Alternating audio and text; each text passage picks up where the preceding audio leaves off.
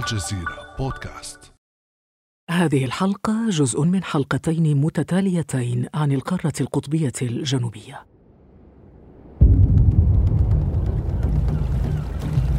عند ملتقى أكبر المحيطات في العالم يقطن سلون الرجل الخمسيني بمدينة كيب تاون. يستيقظ كل يوم على صوت زوجته وهي تشكو من انقطاع المياه. كان عليه أن يجد حلا لهذه الأزمة. فقد يتوقف تدفق مياه الصنابير في أي لحظة وسط أزمة الجفاف الحاده التي تعانيها هذه المدينة الواقعة في جنوب أفريقيا. بدأ سلون بالتخطيط لسد عجز مياه كيب تاون. فجاءته الفكرة. جر جبل جليدي كبير من القارة القطبية الجنوبية إلى سواحل جنوب أفريقيا وإذابته لاستخدامات الشرب وغيرها. بدت خطة سلون وفريقه مثالية لري عطش كيب تاون. لكنها وإن وجدت طريقها إلى الواقع فقد لا يتمكن الرجل من مجابهة دول كثيرة تدعي حقيتها في مناطق بالقطب الجنوبي. فلماذا تطالب دول بمناطق في أنتاركتيكا؟ ولماذا تتزاحم للسباق والسيطرة عليها؟ بعد أمس من الجزيرة بودكاست أنا خديجة بن جنة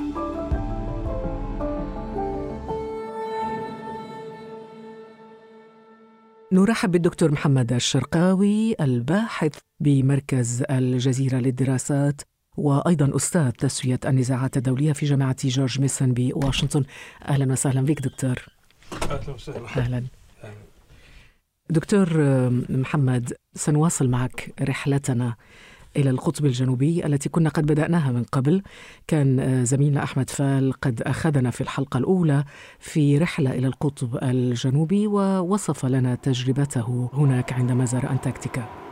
أحمد قال لنا حينها أن روال آمنسون هو أول من وطأت قدماه القارة القطبية الجنوبية ومنذ ذلك الحين دول كثيرة تبدي اهتماما متزايدا بهذه القارة برأيك دكتور محمد شرقاوي لماذا كل هذا الالتفات لهذا المكان القارس البرودة؟ اولا الاسم له استقطاب فلسفي يعني يعود إلى العهد الإغريقي إلى الفيلسوف أرسطو الذي تخيل قارة قطبية جنوبية 230 عاما قبل الميلاد. ومن هنا جاء الاسم أنتارتيكوس باللكنة اليونانية. طبعا ظلت هذه المنطقة تجتذب إليها الكثير من الذين تخيلوا امتداد الأرض. ونلاحظ أنه في القرن الثامن عشر بدأت بعض الرحلات سواء من دول الدول الإسكندنافية مثلا حتى روسيا بعثت ويرتبط اكتشاف هذه المنطقة أو هذه القارة بالتحديد باسمين أحدهما فابيان بيلغاشن والآخر ميخائيل لازاريف سنة 1820 يبدو أيضا حسب الدراسات أن هذه القارة ممعنة في القدم في العراقة. كانت طبيعية دون ثلج دون برودة قبل 34 مليون سنة. طيب دكتور يعني السؤال الذي يتبادر للذهن عندما نتحدث عن أنتاركتيكا هو أنه ما المغري في الذهاب إلى أنتاركتيكا أو يعني في تسابق الدول إليها؟ إذا كنا نتحدث عن كما وصفها أحمد فال في الحلقة السابقة بصحراء بيضاء ثلجية درجة الحرارة فيها أقل من 90 درجة تحت الصفر ماينس 90 يعني سمك الثلوج يتجاوز أحيانا كيلومترين. يعني ما المغري إذا في الذهاب إلى منطقة كهذه؟ ينطبق عليها القول لا يقرأ الكتاب من غلافه. هذه قارة تصل إلى ضعفي مساحة أستراليا. هي خامس أكبر القارات في العالم وأستراليا تأتي في المقام السادس. هناك أهمية مزدوجة هناك أهمية تاريخية وهناك أهمية يمكن أسميها أهمية الاقتصاد السياسي. أبدأ بالأهمية التاريخية. كانت منذ القرن التاسع عشر مركز اهتمام على مستوى الرحلات البحرية الاستكشافات خاصة من روسيا من نيوزيلندا وأيضا كما ذكرت من الدول الإسكندنافية. هذا طبيعي على أساس أن البحث العلمي والآن يقيم فيها ما بين 1000 إلى 1500 باحث على مدار العام من مختلف الدول وأغلبهم يركز على أبحاث سواء في داخل العمق أو عمق الأراضي أو أيضا حالة الطقس وقضية البرودة وكيف تحولت يعني هو مجرد إشباع للخيال العلمي أم ماذا؟ يعني ليس بالمعنى الخيال لكن يعني ماذا تستفيد الدول الموجودة هنا من محطات البحث العلمي؟ هذا يوصلنا إلى الأهمية الثانية وهي الاقتصاد والسياسة هناك اتفاقية تم إبرامها عام 1959 بين 12 دولة على أساس احترام هذه المنطقة عدم إجراء عملية التنقيب عن المعادن عدم إجراء أي تدريبات أو مناورات نووية عدم التخلص من النفايات النووية في هذه المنطقة. لكن تبين الآن أن هذه القارة البعيدة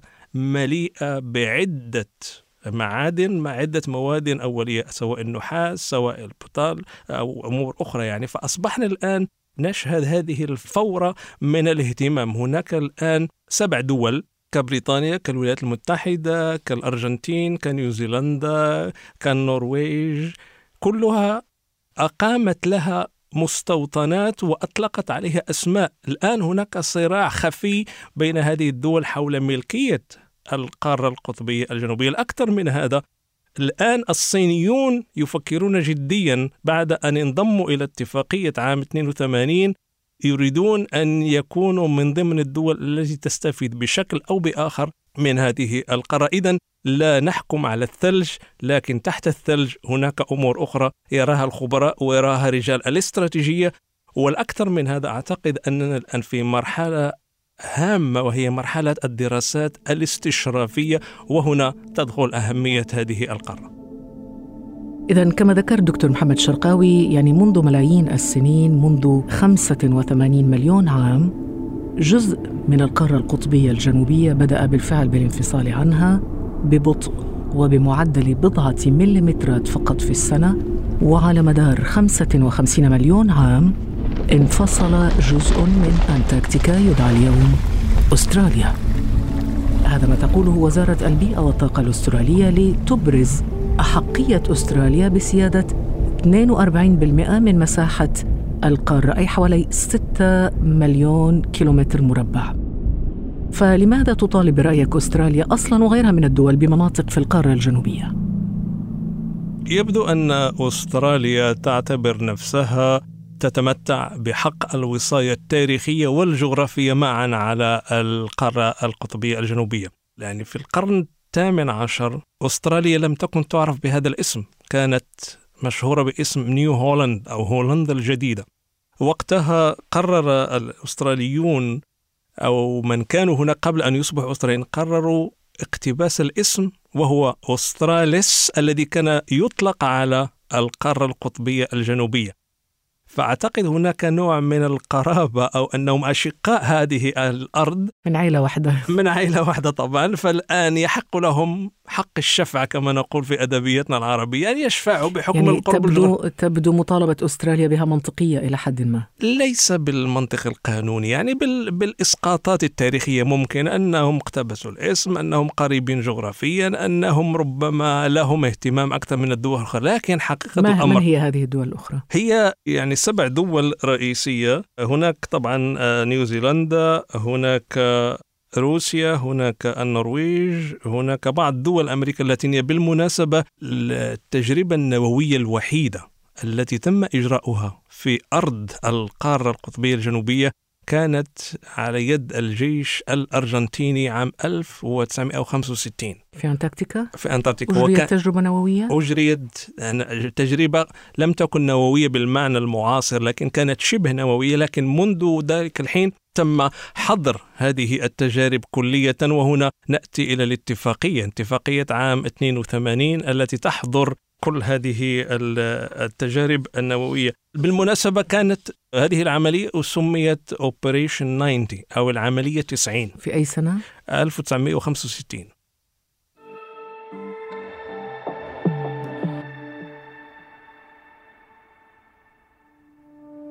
ابدأ بالاستماع الآن ولا تنسى تفعيل زر الاشتراك الموجود في تطبيقك لتصلك حلقاتنا اليومية فور صدورها ابقى على تواصل مستمر مع الجزيرة بودكاست عبر صفحاتنا على فيسبوك، تويتر وإنستغرام.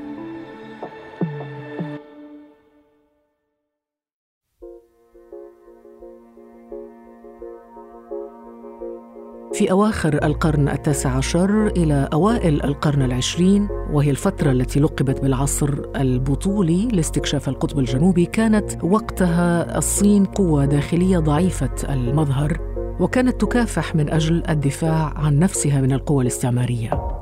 ثم بعد الحرب العالمية الثانية بدأت الصين في دخول من جديد في النظام الدولي الراسخ وكان على الصين أن تسابق الزمن كوافد دخل متاخرا على خط الأبحاث في القارة القطبية الجنوبية حتى أصبحت الصين اليوم متواجدة بخمس قواعد بحثية علمية في أنتاركتيكا.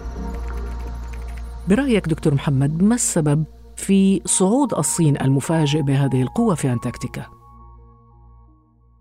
الصينيون لا يدخلون في المغامرات السياسية ولا كما فعل الفرنسيون في بلداننا في المغرب العربي ينقلون الحضارة la mission civilisatrice بل هم دائما يركزون على البعد الاستثماري البعد التجاري البعد المالي.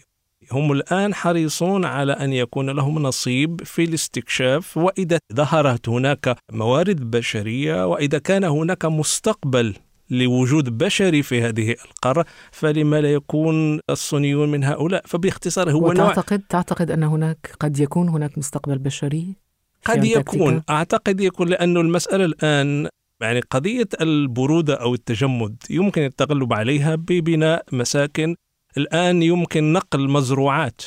فبالتالي الوجود البشري أصبح الآن أسهل مما كان عليه. نلاحظ أيضا يعني هذا يتوازى أيضا مع استكشاف القمر. أصبحنا نتحدث عن مركبة دولية دائمة الحضور. إذا كانت تستطيع أن تكون في أعالي ما وراء السماء فتستطيع أيضا أن تكون على هذه الأرض المتجمدة. يعني بدل أن نفكر في الهجرة إلى المريخ أو إلى القمر سنهاجر إلى أنتاركتيكا. أدعوك وأدعو الشباب إلى أن يقضوا على الأقل weekend ممتع في أنتاركتيكا ثم ثم نقرر هل نختار القمر أم نختار إذا لم تكن الرحلة مكلفة.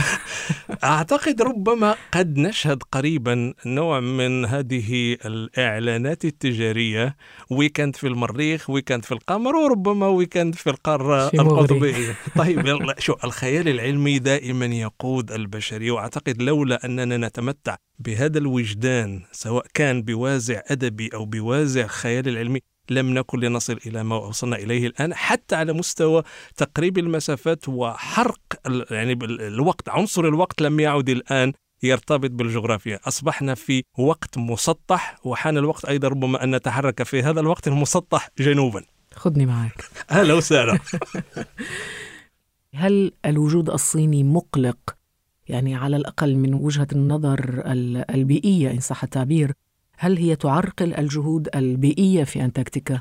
أعتقد هناك أمرين أساسيين، الأمر الأول يتعلق بالتحديد أن الصين لها سجل سيء في مجال احترام البيئة والقانون الطبيعي. وهي أقل الدول التي يمكن أن تدافع عن ما يمكن أن تفعله دون تخريب النظام البيئي والأعراف والمواثيق الدولية منذ عام 59 مرورا باتفاقية العام 2082 في نفس الوقت أيضا ظهور الصين الآن هي تمتد باتجاه الشرق الأوسط باتجاه أفريقيا على المستوى التجاري تمتد الآن جغرافيا وعلى مستوى الأبحاث أيضا في هذه القارة يجعلني أفكر أيضا أن ربما سنصل في مرحلة إلى صراعات عالمية. وهذا الصراع في حد ذاته يقوم حالما ينكسر ميزان القوة بين الصين من ناحية والقوة العظمى مثل روسيا والولايات المتحدة والدول الأخرى كما ذكرت التي تهتم بوجودها واستمرار هذا الوجود في القارة فهناك عملية زعزعة هذا التوازن وأعتقد هنا يبدأ الحديث عن صراع. كما كنا نتحدث في نهاية القرن الماضي عن موارد الماء في الشرق الأوسط وكيف أصبحت الآن بمثابة أزمة مفتوحة أعتقد الآن بين إسرائيل بين الضفة الغربية بين الأردن الآن نحن باتجاه أزمات طبيعية أو أزمات بحكم عوامل طبيعية وموارد طبيعية أكثر من نزاعات سياسية أو أيديولوجية على غرار ما عشناه خلال الحرب الباردة وحقبة الصراع بين الاتحاد السوفيتي والولايات المتحدة. في الوقت الذي تطالب فيه دول عدة بملكية أجزاء من أنتاركتيكا وتتنازع أخرى للسيطرة عليها تتسارع تحذيرات العلماء بشأن ما قد تحدثه التغيرات المناخية من آثار سلبية على بيئة القطب الجنوبي. إذا هل من المنطقي التساؤل إن كان على كل الأطراف المتسابقة نحو التواجد في القارة القطبية الجنوبية توحيد جهودها لحماية العالم من أزمة بيئية محتملة بدل السباق المحموم نحو أنتاركتيكا. شكرا جزيلا دكتور سعدنا بوجودك معنا. الله يخليك بالعكس كان هذا بعد أمس.